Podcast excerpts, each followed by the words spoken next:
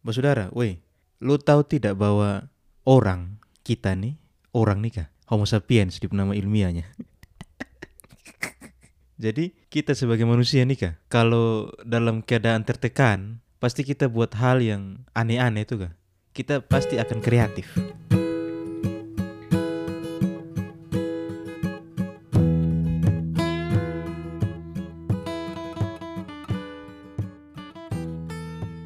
Jadi dulu waktu pelajaran biologi itu ada satu hormon namanya hormon adrenalin. Woi, ini hormon yang membantu ketong ketika dihadapkan pada situasi yang menantang, penuh tekanan atau berbahaya. Contoh ya, saudara. Misalkan lu nih, anjing kejar nih. anjing kejar lu, terus lu sulari sekuat tenaga, kaget lu dapat di satu ujung jalan di mana di situ ada tembok yang tinggi. Orang bilang lu, lari, lu lari takut tuh pasti lu tembok lu bisa lu bisa panjat nah. Lain cerita kalau misalkan lu son dikejar anjing, artinya lu son terburu-buru atau lu tidak dalam tekanan tuh. Nah itu kemungkinan lu akan susah untuk naik tuh ini apa itu tembok. Mungkin lu melakukan beberapa kali percobaan baru bisa naik itu tembok. Tapi kalau lu lari takut, hmm, tembok juga lu lompat sekali sih. Nah, situasi-situasi ini tuh yang ketika lu dalam tekanan tuh yang ini hormon adrenalin nih akan diproduksi begitu.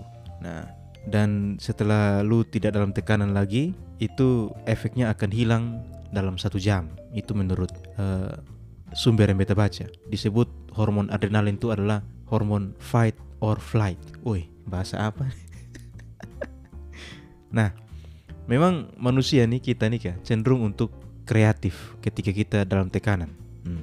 Ada satu contoh nih, kemarin viral di media sosial ada satu orang di di kota namanya Bogor. Woy.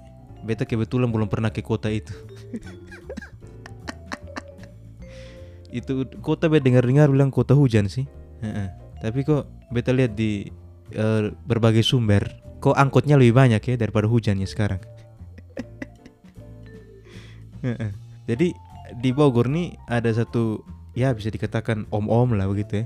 Dia nih pura-pura mati. Kenapa dia pura-pura mati? Jadi uh, berita yang beta baca tuh bahwa si orang ini tuh di udah sudah dalam peti nih kah? Dalam peti kaget dia hidup lagi. nah kalau ya mungkin bos saudara kotong di NTT ini kan kalau kotong paku peti itu biasanya berapa hari amai? Tiga hari ya. Biasa ini keluarga semua sudah lengkap baru paku tuh nah ini bapak tua di Bogor nih dia ini apa? Dia sudah lempetin kaget dibangun lagi. Nah cek picek ternyata dia nih dia merangkai semua skenario itu. Dia merangkainya dengan cara apa? Dia mulai berpikir. Beta cari ambulans di mana? Kemudian beta masuk dalam peti ketika apa rumah susepi beta keluar ternyata bapak tua nih utang bos, utang banyak. Jadi ketika dia tertekan dengan mungkin hutang yang banyak, kalau beta baca di uh, banyak berita tuh dituliskan digitnya bos saudara. Digitnya itu sekitar uh, ya bisa beli uh, pick up Futura tuh, ya Suzuki Futura tuh mungkin kau bisa beli berapa ya? Mungkin bisa enam kau tujuh, kau bisa bisnis jual kayu kali ya. nah, Ya betul pun utang sekitar 1,5 M saudara. Jadi mungkin bebas jadi berita tuh dia nih takut uh, ditagi kemudian malu dengan tetangga begitu. Jadi dia buat skenario pura-pura mati. Nah ini bos saudara satu satu contoh ketika lu dikuasai oleh tekanan, lu dikuasai oleh apa namanya oleh berbagai macam kesulitan mungkin dalam lu punya hidup. Kadang lu berpikir kreatif tuh sama seperti bapak tua di Bogor ini. Dia berpikir satu, satu hal saudara ketika baca ini berita yang tadi dia bilang koton di NTT ini biasa kan tiga hari waktu koton paku peti tuh hmm, -hmm. bab tua kan dia pura-pura nih konsepnya pura-pura tuh kalau misalkan orang paku itu peti kira-kira kan mana kira-kira pukul dari dalam mau pasti dan kebetulan ini skenario nih di istri tahu. Tapi di istri tidak apa di istri tuh coba mem memperingati dia. Tapi bab tua son peduli. Bab tua bilang beta su buat ini skenario matang. Hmm. pasti kalau misalkan orang sempat paku peti bos saudara pasti di tua bilang eh jangan bab tua pura-pura main gila bodoh ini. Nah saudara. Uh, dari kisah ini pun beta, beta lihat bahwa memang uh, kita tuh kah sebagai orang tuh kah memang harus uh, bertanggung jawab. Apa yang suka kotong buat mau mau kotong salah kok apa. Meskipun ya ber, berpikir semua orang pernah salah ya. tapi bagaimana kotong mempertanggungjawabkannya itu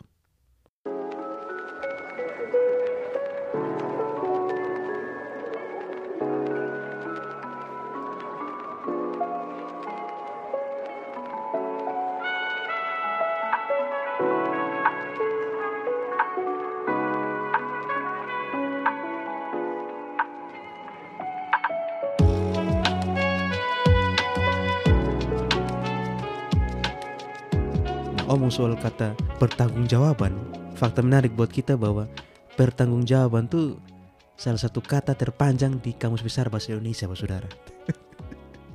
Mungkin lu baru tahu, beta juga baru tahu tadi nih ketika konsep ini episode bahwa kata mempertanggungjawabkan itu salah satu kata yang terpanjang. Ya, jadi kalau kau lihat di punya akar kata kan tanggung jawab. Ternyata ini dia terdiri atas tujuh suku kata yaitu mem, per, tanggung jawabkan. Dan total jumlah huruf ada 22. Wih, ternyata itu kata terpanjang ya di KBBI ya. Memang uh, kata terpanjang mungkin setara dengan uh, terlalu panjang katanya sampai orang mau bertanggung jawab tuh susah sekali. Terlebih-lebih orang yang sudah mungkin sudah uh, buat kesalahan yang besar gitu saudara. Nah bicara soal mempertanggungjawabkan saudara. Kemarin ini beberapa hari ini juga ada yang viral juga nih. Ini dari kita punya adik-adik yang SMP ini kejadiannya satu anak tuh anak SMP ya. Bisa tahu dia SMP kelas berapa. Tapi dia nih uh, bawa motor tidak pakai helm. Dia bonceng. Beta kurang tahu juga dia bonceng itu di pun saudari atau di pun teman tapi yang di pun saudari atau di pun teman di belakang tuh pakai helm dia tidak pakai. Nah kemudian uh, polisi tilang oh saudara. Polisi tilang dia uh, dan di video yang beredar di medsos tuh kita lihat bahwa ini anak nih dia ke malas-malasan tuh kan jawab pertanyaan dari si polisi. Nah tapi di video itu bos saudara ini anak nih marah-marah. Becer mati beta putar ini video ulang-ulang. Ternyata ini anak nih marah karena apa? Karena dia direkam oleh salah satu aparat mungkin di di belakang uh, aparat yang tadi inter interogasi itu Mm -mm. Dan bos saudara, ini anak marah sampai tunjuk-tunjuk ini aparat nih gak tunjuk-tunjuk. Weh video video begitu dia pakai bahasa Jawa, beta contoh mengerti juga. Nah, dia tunjuk-tunjuk begitu. Nah, beta lihat di Twitter tuh banyak yang komen bilang, oh ini generasi bangsa begini kok begini begini segala macam. Tapi kalau yang dari video yang beredar tuh beta cermati bahwa oke okay lah si anak ini salah. Mm -mm dia tidak pakai helm, menyalahi aturan, oke okay lah. Itu tidak usah diperdebatkan, mas saudara. Tapi ada poin yang lain, mas saudara. Ada satu hal yang beta apresiasi dari si anak ini, yaitu dia tidak melarikan diri dari rahasia. Dia masih ingat tahun berapa tuh di, mas saudara tahu tuh, salah satu titik yang biasa atau diadakan rahasia di kota Kupang itu adalah pohon duri di Osapa itu. Tahun berapa tuh, dia masih ingat ada satu nona yang uh, dia menuju arah Kupang, jadi dia ini apa turun gunung tuh sebelum kan dia dari Osaka menuju Kupang lah.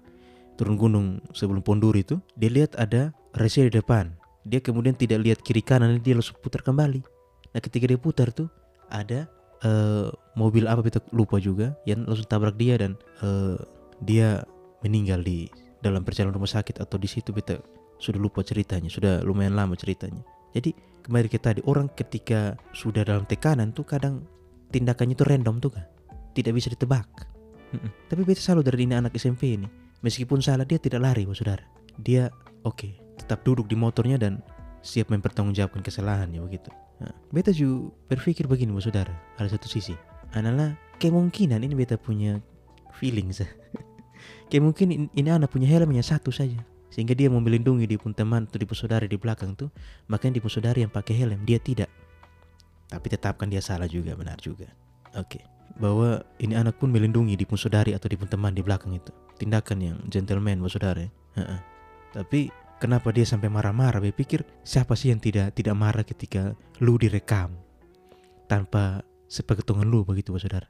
dan memang ini anak terakhir viral dan beta lihat di medsos dia minta maaf beta pikir bukan hanya dia yang perlu minta maaf kayaknya apa aja perlu minta maaf leh coba oke sekarang nih zaman terlalu canggih mas saudara ini anak nih kan kalau dia masih SMP mungkin dia lahir tahun 2000 berapa ya kira-kira? 2011 10 dia kan dibesarkan dengan ya dong bilang generasi milenial. Pasti dia sudah tahu bahwa kalau ini aparat rekam beta pasti sedikit lebih itu viral di medsos nih dan memang betul mungkin karena ketakutannya itu ya kemudian dia berontak tuh kah jangan rekam jangan rekam gitu. Jadi menurut beta hmm, ya mudah-mudahan suatu saat ada di punya aturan nih jangan main sembarang rekam orang di ketika orang salah tuh kah tapi ini hanya gentleman sih. Dia tidak lari dari kenyataan.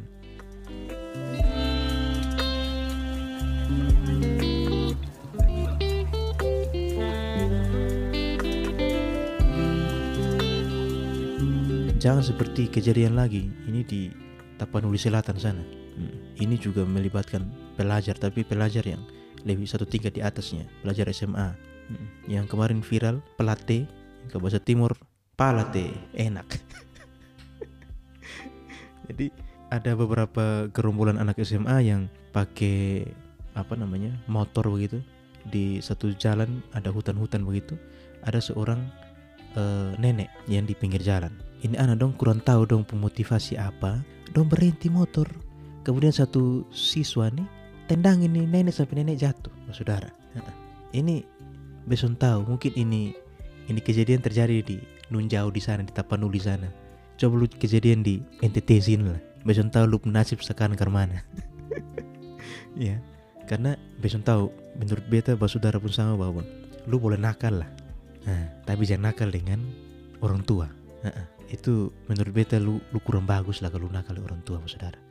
Lu boleh nakal lah tapi nampaknya menghormati orang tua tuh hal dasar ya. Kalau sudah tidak lakukan itu eh besok tahu lu masa depan ke mana hmm? mungkin anak-anak yang milenial yang dengar ini podcast tolong dengar itu beta belum tahu terlalu tua-tua amat sih tapi nampaknya itu nasihat kayaknya berlaku universal tuh kan belet ini anak-anak di videonya tuh kan mereka tuh ke apa ke geng motor tuh kan konvoi-konvoi begitu. Faedahnya apa lu konvoi-konvoi begitu tuh? Di hutan le. Mau konvoi itu coba lu baluk motor pi mana ya? Pi Jakarta Pusat kok. Lu konvoi. Lu konvoi di tengah hutan. Ketemu orang orang tuh lu tendang le. Nah, kalau lu mau ini tendang, nah ini bet kasih lu ya. Lu mau tendang, lu beli bola sah. Nah, lu beli bola, terus lu bermain bola tuh, tendang-tendang bola.